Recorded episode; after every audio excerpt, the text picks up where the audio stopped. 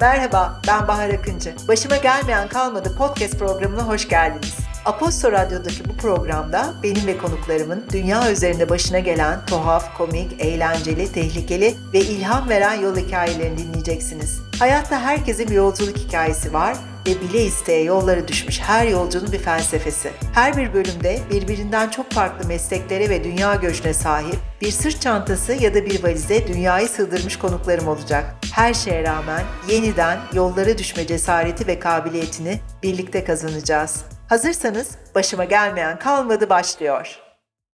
Bugün çok özel bir konuğum var. Çok gıpta ettiğim, hayret ettiğim, bütün yol maceralarını satır satır saniyesiyle kaçırmadan takip ettiğim, aynı zamanda bir sanatçı, sanat okulu mezunu sevgili Dicle Doğan, hareket amiri burada. Hareket amiri denmesinin sebebi aslında üniversiteden geliyor. Hem sosyal medyadaki kullandığı ismi hareket amiri hem arkadaşlar arasında hareket amiri deniyor kendisi ama bunun bir sebebi var. Sebebi ne Dicle? Üniversite hayatımda bütün otobüs numaralarını ezbere bildiğim için arkadaşlarımın bir noktada alay konusu oldum aslında.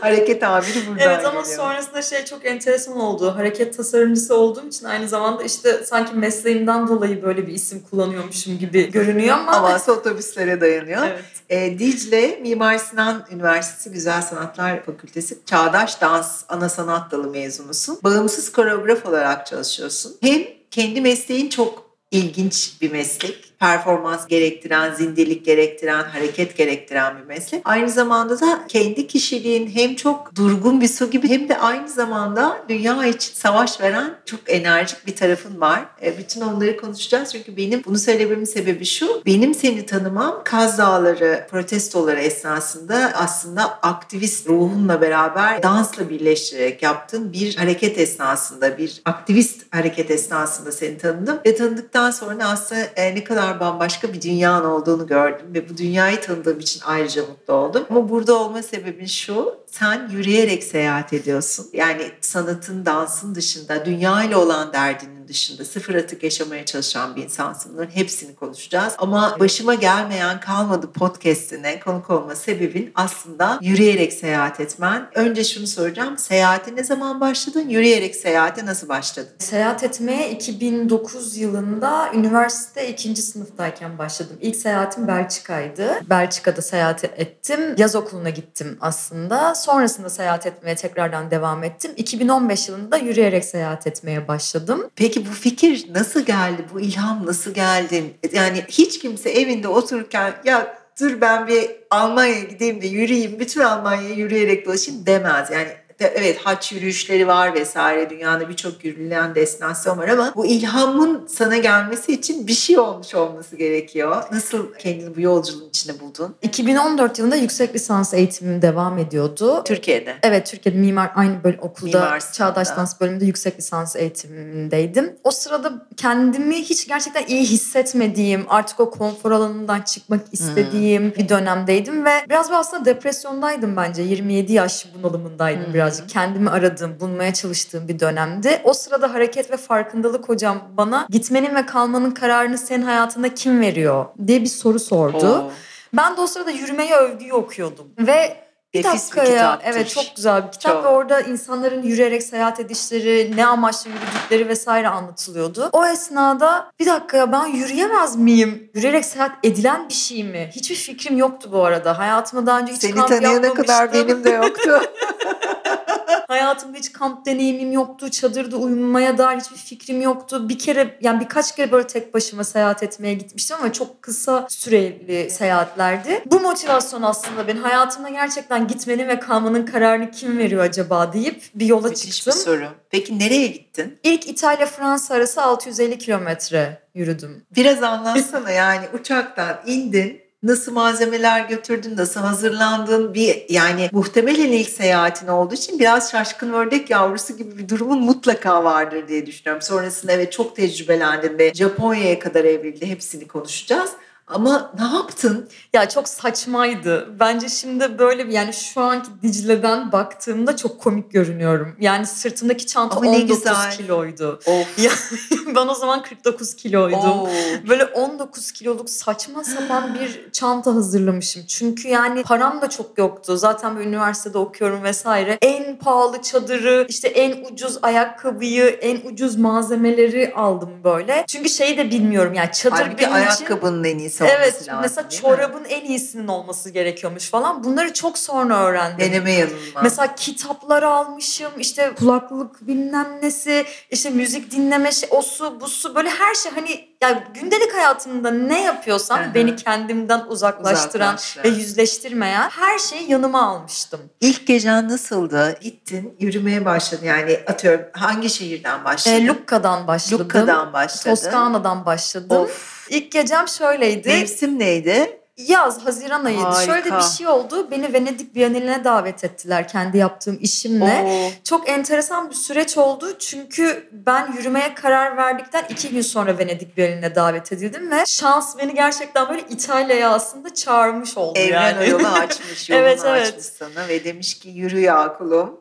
Çok enteresan bir tecrübeydi benim için. Lucca'dan yola çıktığımda ilk gün böyle işte sırtımda 19 kilo çanta yürümekte inanılmaz zorlanıyorum. Peki Biennale'de seni davet edenleri söyledin mi? Ben buradan Lucca'dan Evet evet çünkü Yürüyeceğim e, diye. performans eşyalarımı orada bıraktım. Onları orada veda ettim. dönüşte aldın. Yo sonra. almadım. Aa çok çok acayip. Peki yürümeye başladın. İlk gece nerede kaldın? Nasıldı? Çadırımı Nasıl kurdum. hissettin? Bir ailenin böyle bahçesinin yanına çünkü şimdi cesaret de edemiyorum. Hayatımda ilk defa çadırda kalacağım. Ne yapacağımı bilmiyorum. Evet. İlk çadırın o mu? Evet evet. Of. Yani hayatımda ilk defa çadırda kalıyorum ve inanılmaz korkuyorum. Uyuyamıyorum. Şöyle çok enteresan bir anım var. Uyuyamadım, uyuyamadım bütün gece. Şeyim, sakın kapıdan yani şeyi açma. Sanki ne Fermuarı fark açma. edecekse yani. Sanki onun içindeyken çok güve ve hala böyle bir şeyim var. Gece çadırdan asla çıkamıyorum Ya dışarı. e, burada bir konuğumuz oldu. Burçak Güney. Onu da dinleyeceksin bir de diyorum. Uganda'da çadırı açtığında bir dişi aslanla çadırın önünde uyuyan bir dişi aslanla bir buçuk saat o aslanın uyanıp gitmesini beklemiş. Sende en azından aslan yoktu. Evet yani ben o kadar yani hiçbir Ama zaman... korkunu tahmin edebiliyorum yani. Üniversitedesin, ilk defa gittiğin ülke yürüyorsun ve çadırda kalıyorsun ve gece hiç bilmediğin bir yerde uyuyorsun aslında. Ama güzel bir geceydi herhalde. Şöyle oldu açma açma açma derken açtım. Bir anda böyle inanılmaz ateş böcekleri ve bir tavşan zıplıyor böyle Of. yaban tavşan. Hayatımı unutamayacağım en güzel manzaralarından Çok biriydi güzel. bu arada. Böyle büyülenmiş gibi oldum ve sonrasında zaten çadırda kalmak benim için böyle çok eğlenceli El ve keyifli bir şeye geldi. döndü. Peki çadırın içine uyku tulumu vesaire götürmüş müydün? Evet evet onlar Onlarla vardı. Onlar vardı. Ben o deneyimi ilk kez 5 derecede yaşadığım için gerçekten ve o şeye sığmadığım için uyku tulumuna nefret etmiştim. Ama sonra doğru çadırı, doğru tulumu, doğru zamanı, doğru mevsimi, üzerine giyeceğin şeylerin doğru işte termal çorabına kadar doğrusunu bulunca çok zevkli hale gelebiliyor. Peki kaç gün sürdü ilk yolculuğun yürüyerek? Ee, ilk yolculuğum 40 gün sürdü. 40 gün yürüdün yani İtalya'dan Önce Fransa'ya yürüdün, Roma'ya yürüdüm. Roma'ya. Sonra Roma'dan tekrar Kuzey İtalya'ya geçip bu sefer Alp dağlarını geçip Fransa'ya Dolomitleri yürüdüm. geçtin. Of. Peki şey soracağım şimdi kırsalda yürümek ve konaklamak tabii ki çok zor ama en azından çadır kurmana izin veriliyor dünyanın birçok ülkesine. İtalya'da çok zordu çadır Öyle mi? kurmak. Evet İtalya'da diğer yürüdüğüm ülkelerden çok daha zorlandım çadır kurmakta. Büyük, şehirlerde ne yapıyordu? Yani Roma'da gidip çadır kurdurmaz herhalde kimse. Yok Roma'da bir arkadaşımın Arkadaşına arkadaşında kaldın. kalmıştım. Peki İtalya'da niye zor? Yani gelip bir, bir şey mi söylüyorlar? Polis mi geliyor? Birisi şikayet mi ediyor çadır kurduğunu görünce? Yani İtalya'da genel olarak şöyle bir şey var. Böyle ormanlık alanlar hep tellerle kapalı zaten. Hmm. İçeri girmek çok zor oluyor. Hmm. Şimdi yürüyerek seyahat ederken de mutlaka bir kasabaya uğraman gerekiyor. Çünkü maksimum iki günlük yemek taşıyabiliyorsun. O yüzden de bu kadar da çok fazla kasabanın birbirine yakın olduğu yerlerde tabii ki çadır kurmak daha zor oluyor. Peki o seyahatte başına gelen en tuhaf şey neydi hatırlıyor musun? Yani bir kişi olabilir, bir olay olabilir, tanıştığın birileri olabilir, çok eğlendiğin bir an olabilir. Ya ben o seyahatimde manevi babamla tanıştım. Aa, Ee, evet o da benim gibi yürüyerek seyahat ediyordu. O da İsviçre'den. hiç böyle cevap beklemiyordum. Harika. Harika. İsviçre'den İtalya'ya yürüyordu. Aha. Biz onunla yolculuğumun sanıyorum 16. 17. günü tanıştık. Aha. Sonrasında Nereli? hiç kopmadık. İsviçreli. İsviçreli. Ee, sonrasında bir daha hiç kopmadık. Hala Of. görüşüyoruz. O bana kızım Türkiye'ye der. geldi? Ee, henüz gelemedi. ya Ee, gelsin. aslında bu sene gelecekti ve sonra biz onunla birlikte yürümeye de devam ettik bu arada. Aha. Yani hiç aramızdaki bağ kopmadı. Dünyanın farklı ülkelerinde. Evet, evet, farklı Muhteşem buluşup bir yürüyoruz. buluşma ve hikayeymiş. Çok güzel. Peki nasıl tanıştınız? Nasıl, nerede denk geldiniz? Şimdi ben haç yollarını yürüyorum. Ee, İtalya'da da Via Francigena Evet, yolunu yürüyordum. biliyorum. Oradaki yürüyen de ilk Türk benim bu arada. Çok komik çünkü onların kayıtları tutuluyor. E işte Ee, evet ben de yürüye, yürüyen duymamıştım Türkiye'den. Via Harika. Francigena'yı yürüyordum. O da Via Francigena yürüyordu. Sonra bir gün işte aynı haç yollarında konaklayabileceğin yerler var. Sana Hı. bazı böyle işte kiliselerde kalabiliyorsun ya da kiliselerin küçük yatakhanelerinde uyumana izin veriyorlar Hı. vesaire. Öyle küçük bir yatakhanede tanıştık aslında onunla. Çok güzel. Ee, sonra böyle Kaç gün yaşında? Şu an 65 66 Bravo. ee, ve inanılmaz bir yürüyüşçü. Yürüyüşçü. gerçekten yani ve ben onunla tanıştığımda bininci kilometresindeydi. Vay. Peki bu 40 günün sonunda nasıl bir Dicle döndü Türkiye'ye? Yüksek lisansı bıraktım. İlk öyle bir Aa Evet sonra Büyükada'ya taşındım. Bir tane köpek evlat edindim. ya. Tamamen aslında kurduğum düzen bambaşka, çok daha minimal, çok Yaşamaya daha başladın. sade bir hayat olmaya başladı. Ve ben yürüyerek seyahat et- etmeyi kendimi bir kurtuluş amacıydı aslında benim için. Yani Hı hı. kendimi bulmak Hı hı. için yaptığım bir şeydi. Ama sonrasında yürümekten hiç vazgeçmedim. Ki ben bir daha devam edeceğimi düşünmüyordum bu arada. E tabii ben de yani bir 40 günlük yürüyüş seyahati yapsam bir daha herhalde 40 yıl sonra falan yaparım. Ama sen devam ettin ona. Evet çünkü çok büyülendim. Evet. Yani onun o beni değiştirdiği, dönüştürdüğü hali gördükçe bir de Hı hı. yani bir sürü değişik insanla tanışmak, ülkelerin kırsal yerlerinde bambaşka hiç kimsenin uğramadığı yerlere gitmiş olmak, hepimizin bildiği yemeklerin dışında aslında ev yemeklerinin Evet bambaşka evde pişen yemekleri deneyimlemek Yani bambaşka bir şey. Yürüyerek seyahat etmenin en en güzel tarafı bence gerçekten hiç turistin olmadığı yerlerden geçiyor olmak. Ve oradan beslenmek aslında yani Evet. hem mental olarak hem fiziksel anlamda beslenmekten bahsediyoruz. Peki ben bir daha seyahat etmem yürüyerek diye düşünürken kendini nerede buldun? En son işte Japonya'da Ar- 1200 arada kilometre. Tabii ülke? 8 ülke yürüdüm. 8 ülke yürüdün. Toplamda Hangi ülkeler? 4000 kilometre yürüdüm. Hangi ülkeler var? Ee, İspanya yürüdüm, Avusturya yürüdüm, Norveç, Yunanistan, Türkiye, Güney İtalya. Sonra İtalya'yı güneyini de yürüdüm. Güney İtalya'da yürümek herhalde çok eğlenceli olmuş. Çünkü Güney İtalyanlar aşırı tatlı, komik ve bazen agresif olabilen insanlar. Çok garip bir deneyimdi benim için Güney İtalya'da Gerçekten. yürümek. Evet çünkü yani şimdi Kuzey İtalya bambaşka, Güney İtalya bambaşka. Çok. Bir kere hiç can güvenliği yok. Evet. Yani böyle Hırsızlık maalesef çok yüksek. çok yüksek böyle şeyi daha da işte kırsalına girdikçe turistin hiç olmadığı yerlere gördükçe Aha. çok karanlık yerlerini görüyorsun Güney İtalya'nın. Yani çöpün üstünde yaşayan seks işçileri Evet. orada bekliyorlar ve senin yolunun üstündeler. Yolun Böyle üstünde. hayatın gerçekliği. Şimdi yürüyerek seyahat etmek kuzeyde yürürken ya da işte İspanya'da yürürken falan çok böyle güzel doğanın içindeydi. Bir anda hayatın böyle çok karanlık bir yerinde yürüdüm Güney İtalya'da. Yani hiç onu soracaktım aslında sen kendiliğinden konu oraya geldi. Şimdi Japonya'yı konuşuyoruz o başka bir deneyim ama bu 8 ülkeden herhangi birinde hiç ben ne yapıyorum burada ya ben delirdim mi? Hani benim buradan gitmem lazım ya da işte bir an önce dönmem lazım dediğin anlar oldu herhalde. Güney İtalya onlardan biriydi galiba özellikle Güney- gece vakti. Yani Güney İtalya'da zaten çadır kurma riskine bile girmedim. Aha. Orada gerçekten yani öyle bir Evet. şeyi hiç hissediyorsun çünkü. Tabii, Yani yürürken tabii. alıyorsun Tabii, o o kaygıyı ve enerjiyi. korkuyu. Evet. Orada bir de benim başıma şöyle bir şey geldi. Sel oldu ve ben telefonumu selde kaybettim. Güney İkinci İtalya'da gün. büyük bir sel olmuştu bundan yıllar önce. Sen o sırada İtalya'da mıydın? Ve, Ve yürüyordun. ve telefonumu kaybettim İkinci orada. gün. Evet. Peki ne yaptın? Rotayı, ya harita vardır belki yanında. Ne oldu?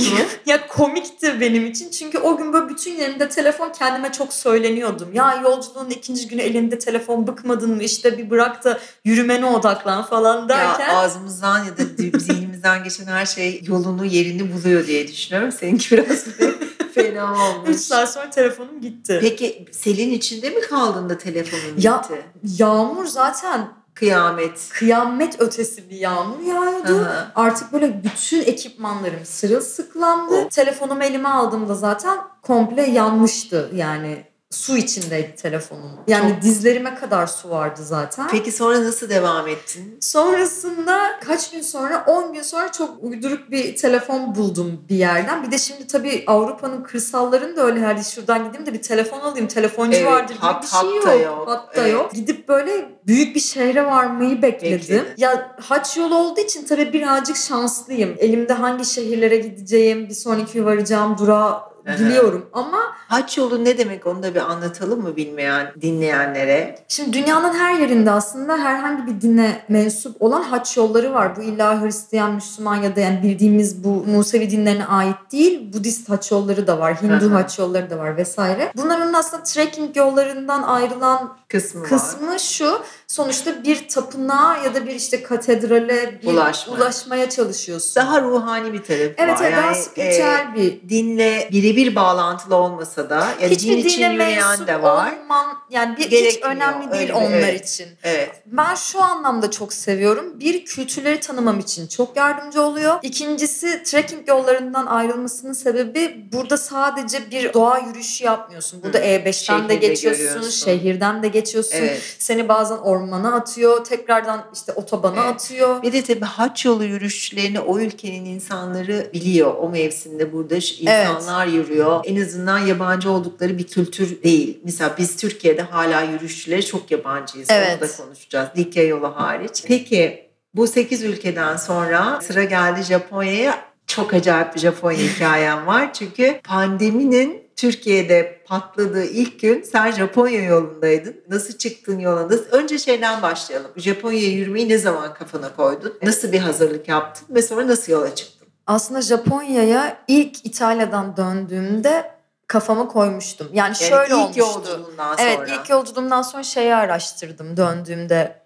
Dünyanın nerelerinde haç yolları var Hmm. benim bilmediğim. Sonra bir baktım ki dünyanın her yerinde haç yolu Var. varmış. Japonya'da en zorlu rotalardan biri olarak görünüyordu böyle listelerde işte bu haç yollarında. Hatta trekking yollarında da en zorlulardan görünüyor. Ya yapabilir miyim acaba? Japonya'da yürümek nasıl bir deneyim olur benim için derken ama yani bir şekilde parayı biriktiremedim. O oldu bu oldu hiçbir şekilde ayarlayamadım. Şansıma pandemi döneminde Yani orada ne kadar yürüsen de oraya gidişin bir Evet. için bir para biriktirmen gerekiyor. Çünkü şey Japonya bileti Allah'tan yani iki sene önce gittin ki ben de şanslardanım. Japonya'ya 3 hafta hızlı trenle yürü- yürüyerek değil görme şansım oldu. Şimdi çok daha zor bunu yapabilmek. Evet Ee, şu an bayağı zor. Sonra Sonra işte pandemiye denk geldi. Hatta herkes saçmalama gitme, ertele, iptal et dedi. Ben de dedim ki yani şu an denk geldiyse bu gitme şansı bunda bir şey vardır ve ben gideceğim. e, uçağın iptal olmadı. Normal uçuyor Olmadı. uçaklar. Son uçakmış meğersem. Evet değil mi?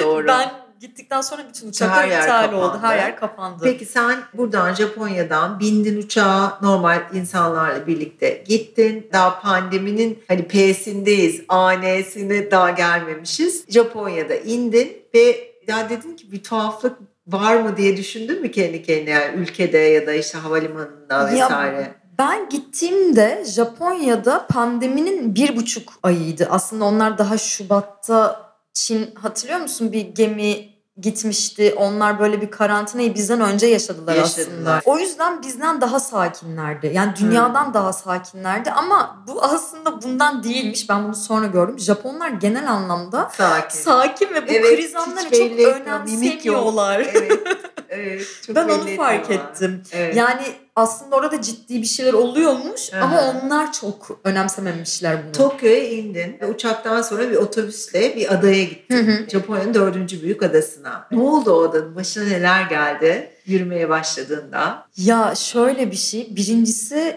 orada hava koşulları beni mahvetti. Hmm. İkincisi hiç bilmediğim bir kültür. Yani gerçekten böyle uzayda gibisin. Hep söylediğim bir şey var Japonya'yı gördükten sonra. Benim için artık dünya bir yana, Japonya bir yana ve orası başka bir gezegen. Dünyada olmayan bir yer olarak görüyorum ben Japonya'yı. Sanıyorum aynı hissi sen de yaşadın Japonya'da. Çok ya mesela şey oldum böyle. Ya tamam yalnız olma hissini her yürüyüşümde biliyorum ama buradaki yalnızlık başka bir yalnızlık. Yani insanı delirten, Delirten bir yalnızlığı Çünkü var. İngilizce konuşabileceğin de kimse yok. Özellikle e, kırsala yani şeyden çıktıktan çıktıktan sonra Tokyo'dan Kyoto, Kyoto'dan sonra artık iyice zor. Eğer Osaka gibi çok turistik bir yere gitmiyorsan, işte daha adalara gidiyorsan, Mijiyama'ya veya senin gittiğin adaya falan gerçekten İngilizce konuşma katsayısı 0.1'e düşüyor. Ama bir taraftan da şöyle bir tarafları var. Sen onlarla hiç karşılaştın mı? Yani çok yardımcı olan, çok işte ne bileyim kaybolduğunda seni alıp gideceğin yere kadar götüren, bir taraftan da çok da saygılı bir toplum var.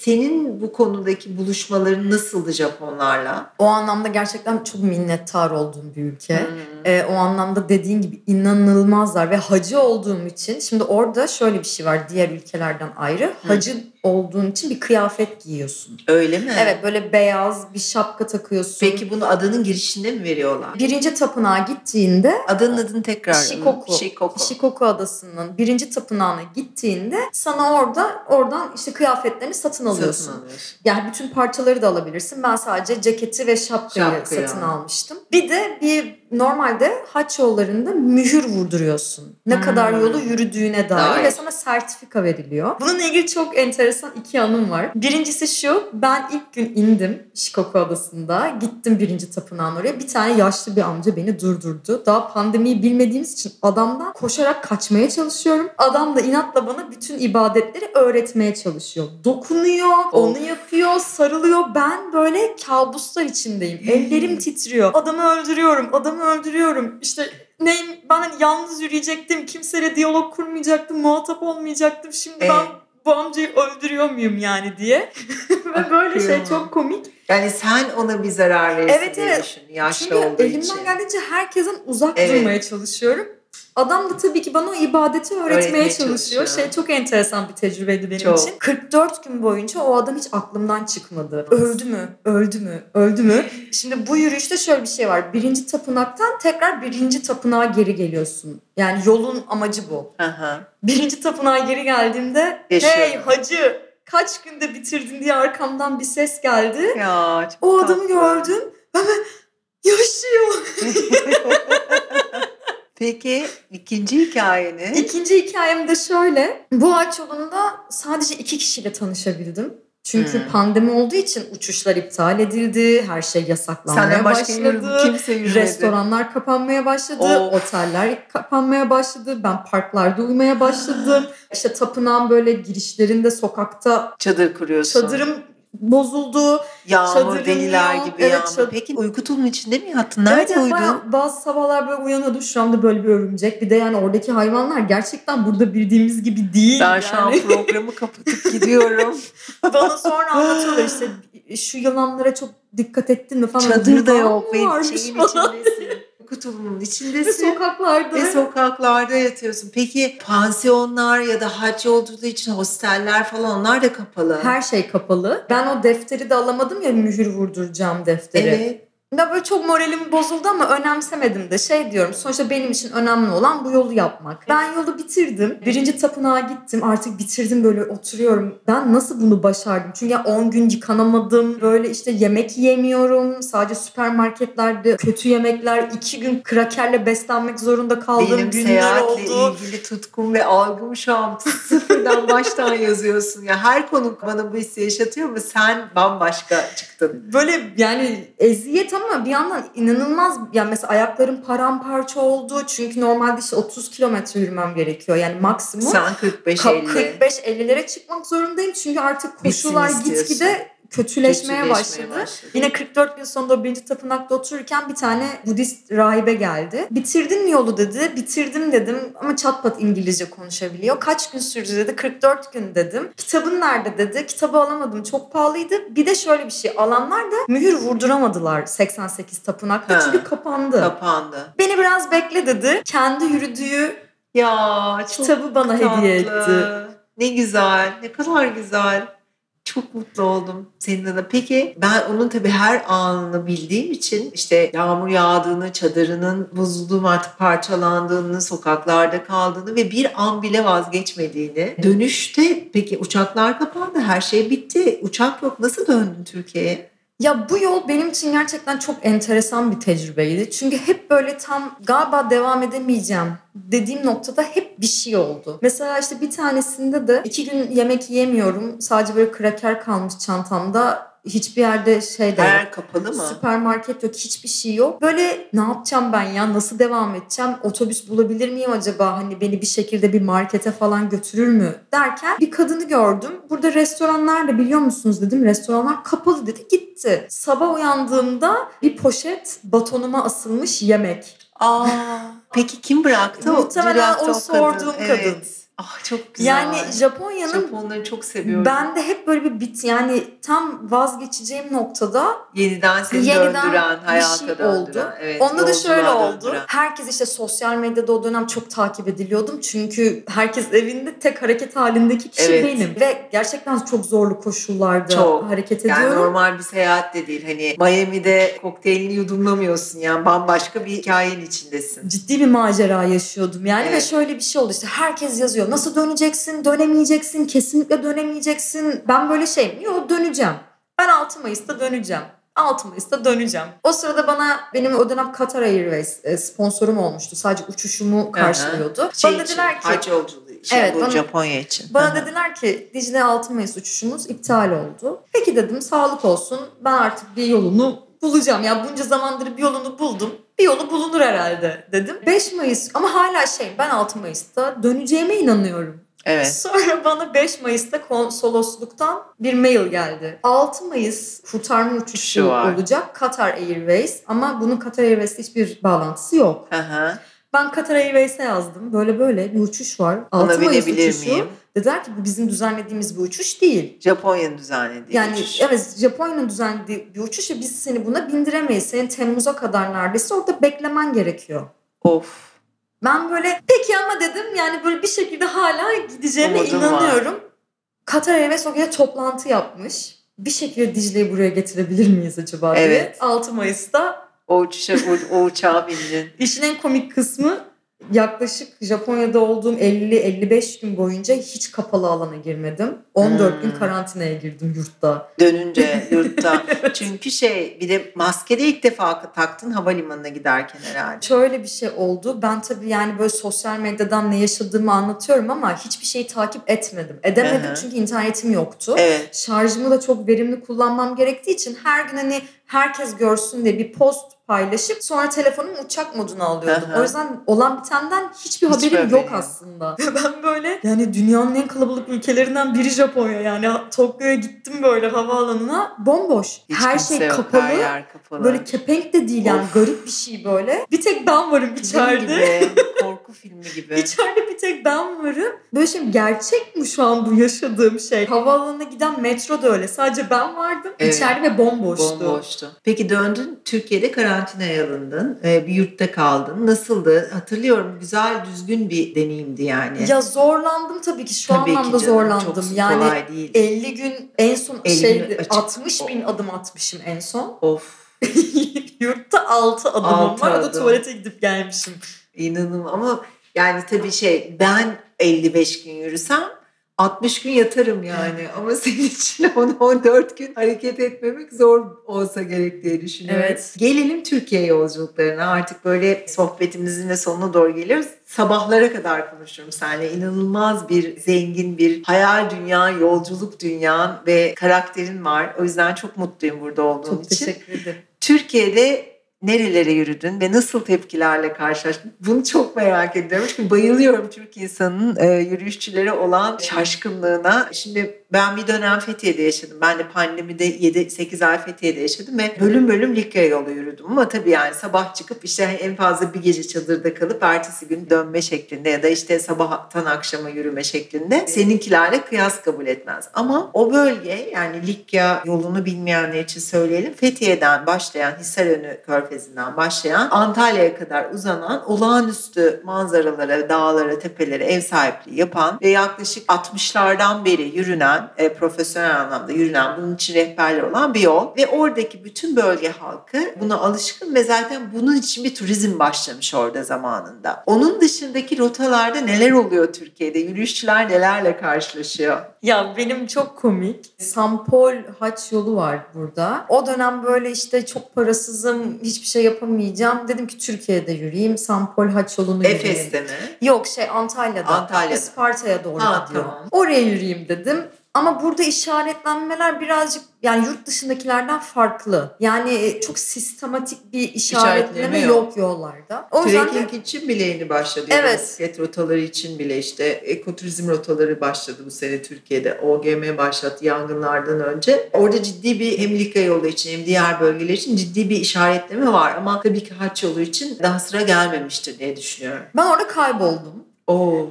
Sonra böyle köylerden geçiyorum. Bir şekilde yolumu bulmaya çalışıyorum. Beni jandarmaya şikayet etmişler. Aa.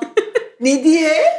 Köyümüzde bir tane sırt çantalı Deli biri var. e, bir şeyler yapıyor anlamadık. Yürüdüğünü söyledi. Pek inandırıcı gelmedi. Terörist olduğundan şüpheleniyoruz diye. Aman Allah. Ben de böyle yürürken jandarma geldi. Ben de tatlı tatlı ya kayboldum biliyor musunuz dedim. Çantanı aç dediler bana. Nasıl falan çantamı açtım. Sonra beni Hiçbir geri şey yok. gönderdiler. Nasıl geri gönderdi? Şu anda tek başına yürümeni e, çok doğru bulmuyoruz. Köylü senden çok Sen şüpheleniyor. tabii anlatamıyorsun aç yolu yürüyorum falan diye. Çünkü o bilmiyor kimse Evet evet. ne olduğunu. E, işte şu anda biraz işte korkuyoruz. Can güvenliğinizin olduğunu düşünmüyoruz. Biz sizi en iyisi otobüsünüze bindirip geri gönderelim evinize. Aa. Siz bunu daha kalabalık bir ekiple daha doğru bir sezonda yapın. Şu an için uygun Evet değil. belki tabii şöyle bir şey var. Hani 3-4 kişi yürüdüğünde yine işte sırt çantaları, yürüyüş batonları vesaire falan belki birazcık hele aralarında yabancı varsa ya da direkt sizi turist sandıkları için hiçbir tehlike arz etmiyorsun. Ama böyle bir şey tek başına kadın Türkçe konuşuyor direkt terörist olabilir yani. Ve ben geri gönderildim. Of çok çok iyi hikayeymiş. Evet. Sonra Karya yolunu yürüdüm. Yürüdün. O da çok böyle güzel geçmedi. Orada da hava koşulları çok fenaydı. Hı hı. Yine işte yolda kadın başına sen ne yapıyorsun? Nereden nereye yürüdün yürüyorsun? karayolunu? Orada da Bozburun Bozburun'dan Yarımadası'na yürüdüm. Sonra devam edecektim. Hava koşulları çok kötüydü. Kış mı, kışın mı yürüdün? Yo aslında Nisan'da ama tahminimden daha daha, yaz çok gelmemişti, yağmur evet. e, yağıyordu. Orada da işte yine böyle tek başına kadın başına ne yapıyorsun vesaireler. Böyle peşime biri takıldı bir şey oldu falan dönmek zorunda kaldım. Ya sen dünyanın her yerinde yürü, kendi ülkende yürüyeme. Ya evet böyle söyleyince bazen anlıyorum insanlar böyle çok öfkeleniyorlar hani niye böyle söylüyorsun ama hayır yani bu maalesef böyle oluyor. Çünkü Ee, tek başına bir kadın olmayı hala iyileşeceğini ümit edelim. Çünkü buraya konuk alacağım inanılmaz güzel bisikletle seyahat eden kadınlar da var. Onlar da şey söylüyor yani hem iyi tarafları var hem zor tarafları var. Bu zamanla aşılacak bir şey. Yani karşılıklı olarak herkesin birbirini anlayıp eğiteceği bir durum aslında bu. Onlar göre göre alışacaklar. Yani orada yaşayan yerel halk. Biz korkmamaya ve cesaret etmeye çalışacağız. İşte e, yerel yönetimlerin bundan bilgi ve haber sahibi olması gerekiyor ki oraya gelen yerli yabancı yürüyüşçülere destek versinler. Bütün bunlar aslında kolektif bir çalışma sonucu ortaya çıkacak bir şey. Biz sadece geç kaldık bu konuda. Evet. Dünyanın her yerinde yürüyüş turizmi yapılıyor ve haç turizmi yapılıyor. Bir tek Türkiye'de bu çok zayıf bir halka. Umuyorum senin gibi yani bu kızmakla niye öyle söylüyorsun demekle olan bir şey değil. Nasıl düzeltebiliriz konuşmak gerekiyor Kesinlikle. aslında. Ee, mesela en son yine burada hoşgörü yolunu yürüdüm. Bu yıl yürüdüm. Nereden nereye? Ee, İzmit'ten İznik. İznik'e. Orada da mesela işte jandarmaya haber vermediğimiz için sorun oldu. Tek başına mı yürüdün? Birkaç Bu kişi. eşimle Hı hı. yürümüştük. Yani mesela düşünüyorum dünyanın hiçbir yerinde jandarmaya haber verdiğim ya da yani yerel polise haber verdiğim bir yürüyüş gerçekleştirmediğim için öyle bir bilgi de yok bende. Yani Tabii. neden haber vermem gerekiyor ki anlayamadım için. diye. Hı hı. Mesela orada da öyle bir problem yaşamıştık. Yani haber vermeniz gerekiyordu. Jandarmaya. Evet jandarmaya yürüdüğünüze E tabii dair şimdi şöyle diye. bir şey var. Kaybolma riskin var maalesef. işte vesaire vesaire bir sürü risk olduğu için jandarma bunu bilmek istiyor olabilir Türkiye'de. Umuyorum bu şartlar değişir. Yani Meksika'da, Kolombiya'da, Guatemala'da yürüyor insanlar. Umuyorum bizim ülkemizde de bir gün işte Erzincan'da da, Kars'ta da her yerde de e, yürünebilir diliyorum ki. Bu arada güzel bir şey oldu hayatında. İki ay önce evlendin ve senin gibi yürümeyi seven bir eşin var artık. Yeni yolculuklar var mı kafanızda? E, Adada yaşıyorsunuz böyle. Sen Büyükada'da yaşıyordun. Heybeliada'ya taşındın. Bir adalıyla evlendin. Nasıl gidiyor evlilik? Nasıl gidiyor hayat? Ya güzel e, tabii ki planlarımız var ama benim hala tek başına yürüyüş planlarım tabii Devam ki devam ediyor. ediyor. Yani onu ondan kendimi koparamam. O da çok fazla Bravo. tek başına seyahat eden biri olduğu için kendimizi o özgürlük alanlarını hiçbir şekilde Aha. sınırlamıyoruz. Bence sınırlamamalıyız da zaten baktığımızda. Şu an pandemiden dolayı ne yapacağımı gerçekten bilmiyorum. Hani neresi yürünür, neresi açıktır, O ne yol değildir. açılacaktır önünde diye düşünüyorum ben. Evet acelem yok. Eskiden mesela daha panik ve telaşlıydım. Hani bu konularda hiçbir şey yapamıyorum. İşte hiçbir şey istediğim gibi gitmiyor. Ama şimdi akışa teslim Evet oldun. yani yürümek bana en çok bunu öğretti. Akışa Bence teslim ol. pandemi de bize bunu biraz öğretti. Yani akışta kalmak, akışa ister istemez teslim olmak, akışta kalmak demeyelim o artık biraz içi boşaltılan bir cümle oldu ama en azından ne yaparsan yap bazı şeyleri değiştiremeyeceğimizi pandemi bize gösterdi. Sadece çabalamak gerektiğini ve sonrasını teslim olmak gerektiğini bana en azından o gösterdi. Ya çok keyifli seninle seyahat etmek. Çok zevkli. Ben senin kadınlara çok ilham verdiğini ve cesaret verdiğini düşünüyorum. Kendim için de aynı şeyi düşünüyorum, inanıyorum. Bu konuda çabalıyorum. Ne söylemek istersin? Tek başına şimdi şöyle bir şey var. Seyahat etmek giderek zorlaşıyor Türkiye'den. İşte geçen hafta Le Bon geldiğinde 9.10'du dolar. Bugün 9.30 belki şu an konuşuyoruz 9 9.50 oldu bilmiyoruz. Ama bir taraftan da alternatif seyahat etme yolları var hala ve ben buraya bu, bu insanları taşımak istiyorum. Örneğin hemen küçük bir şeyle sözü sana getireceğim. Bundan 3 sene önce yani benim de pandemideki son seyahatlerimden biriydi. Bir Bocelli konserine bir gastronomi turları yapıyordum ben pandemiden önce ve bir çok keyifli bir grupta gittik. İşte içinde müzisyenler de var, doktorlar da var, mimarlar da var ve onun yaşadığı köyde olacaktı konser. Oradan da bir günlük bir Floransa sokak pazarlarını gezmek için trene bindik birlikte gittik. Tren garından indik. Saksafonla birisi İzmir'in dağlarında çiçekler açar çalıyor. Dedim ki ya herhalde hayal, halüsinasyon falan görüyorum. Sonra yürüyoruz sese doğru giderek netleşti ve tıp öğrencisi sonradan tanıştığımız bir genç arkadaşım dedi ki parçasını bitirdi işte alkış kıyamet. Ben herkesten para topladım. Şap- başımda şapka vardı şapkayı çıkardım falan. Sonra bir sohbet ettik. O da gelecek inşallah konuk olarak. Sadece seyahat edebilmek için saksafon çalmayı öğrenmiş. İkinci el bir saksafon almış. Akortlu akorsuz o kadar kötü çalıyordum ki. Ama insanlar para veriyordu ve sonra bir üst model para biriktirip saksafon alıyor 6-7 parça öğreniyor toplamda ve bütün Avrupa'yı gezmiş yaz tatillerinde saksafon çalıp para kazanan. Yani aslında alternatif yol üretebiliyoruz. Ee, seninki de alternatif bir seyahat. Yani eminim ki yine bilet almak için para gerektirir ama sonrasında daha minimal yaşayarak bir de sen sıfır atık yaşamaya özen gösteren, dünyanın koruması ile ilgili derdi olan, sözü olan bir insansın. Dediğim gibi Kaz Dağları aktivisti olarak tanıdım seni ve sonra da devam etti bu. Cesaret duymaları için, cesaret göstermeleri için, senden ilham almaları için son olarak böyle söylemek istediğin biri var mı? Genç insanlara ve yaşı ne olursa olsun kadınlara, öncelikle kadınlara biraz seksist davranacağım burada belki ya da pozitif ayrımcılık yapacağım diyelim ki Sonra da tabii ki bütün seni takip eden ve bu konuşmayı dinleyen insanlara ne söylemek istersin? Ben her zaman öğrencilerime de şunu söylüyorum. Deneyimlemediğiniz hiçbir bilgiyi sahiplenmeyin. Yani herkesin kendi tecrübesi, herkesin kendi yolculuğu ve bu hayat hepimizin kişisel biricik yolculuğu bana sorarsınız. Şunu biliyorum ki ya şu an dünyada hep şöyle şeyler var işte şu yolun 8 alternatifi. İşte kamp yapmanın 19 yolu. Yolu. İşte yürümenin 7 ana maddesi. Ben bunların hiçbirine inanmıyorum. Ben yolda yürürken çıplak ayak kilometrelerce yürüyen insanlar da gördüm. Hiç para taşımadan yanında yürüyen insanlarla da tanıştım. Ne bileyim sırtında 20-25 bir, bir adamla tanıştım mesela Fransız bir adamla. Annesinin eşyalarını da taşıyordu ve annesiyle birlikte yürüyordu. Adamın Of. sırtında 45 kilo vardı. Tek başına taşıyordu. İnanılmaz. Annesi yürüyebilsin diye. diye. Ve dağları, bayırları aştılar birlikte ve annesi 70 yaşındaydı. Manevi babam 60 yaşında Hı hı. yürüyerek seyahat etmeye başladı. Ben birazcık bunun gerçekten yapmayı istemekle ilgili, İlgili olduğunu olduğunu. ve konfor alanından vazgeçmek Çıkma, vazgeçmekle. istemekle ilgili. Ya bence burada en büyük cesaret konfor alanından vazgeçmek. Ben de hala çadırımda. Yani ben 6 yıldır yürüyerek seyahat ediyorum. Hala çadırımdan tuvaletimi yapmaya çıkamıyorum gece. Çok korkuyorum. Benim de kaygılarım var. Hani Doğru. böyle şey gibi düşünülüyor. Ya siz korkmuyorsunuz ben çok korkuyorum. Hayır korkuyorum. Korkularımla birlikte yapmayı öğrendim. Hı hı. Çünkü korkularım beni hayattan vazgeçirmeye devam ederse ben hayattan zevk almayı unutacağım.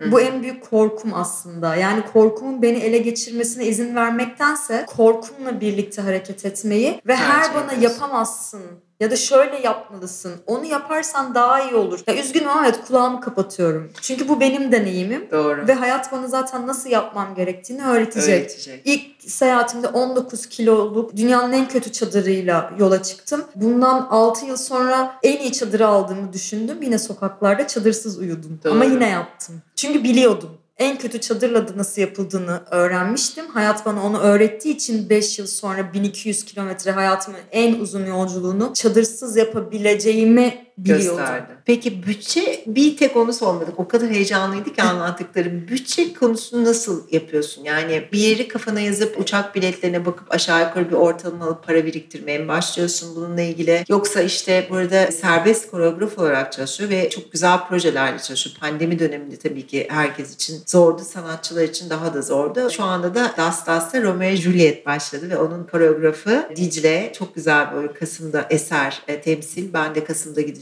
bir çağdaş dans eseri. Buradan kazandığın paralardan mı arttırıyorsun? Nasıl başa çıkıyorsun seyahatin bütçesiyle?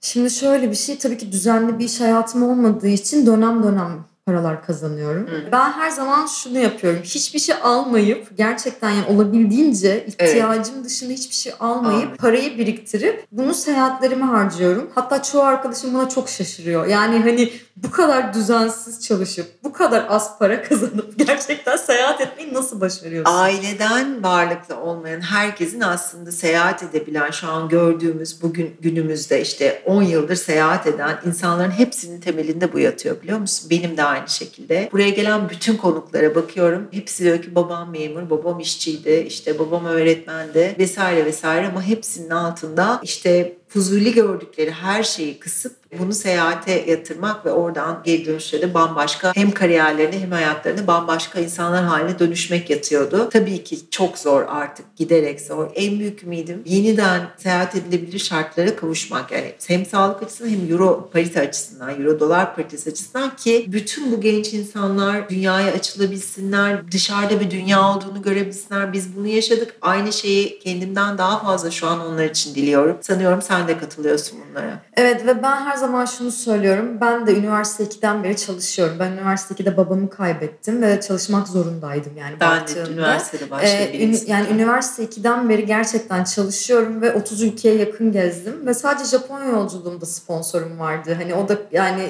artık gerçekten karşılayamayacağım için canla başla sponsoru bulmaya Evet. çalıştım. Ama onun dışında 30 ülkeyi de kendi kazandığım parayla gezdim. Harikasın. Yataklarda yani böyle masalarda uyuduğumu falan hatırlıyorum bu arada. Ben Sırf bu festivallere, atölyelere gidebilmek, Gidebilmek için, için. Masalarda uyuduğumu falan hatırlıyorum mesela. Çok güzeldi burada olman. Seninle sohbet etmek çok güzeldi. Umuyorum birçok insana ulaşır. Birçok insana birlikte ilham oluruz, cesaret veririz. Bu podcast'i, bu programı dinleyen, Aposto okuyan, Aposto'nun mailinde, bülteninde aa böyle bir şey varmış deyip bizi açan herkese bütün seyahat tutkunlarına buradan selam olsun. İyi ki geldin. İyi ki konuğum oldun. Seni en kısa zamanda ister yalnız ister eşinle gönlün nasıl arzu ediyorsa, yol seni nasıl götürüyorsa yeni bir seyahatte görmeyi diliyorum. Çok teşekkür ediyorum Dicle. Ben çok teşekkür ederim. Seninle burada olmak çok güzeldi. Çok, Çok teşekkür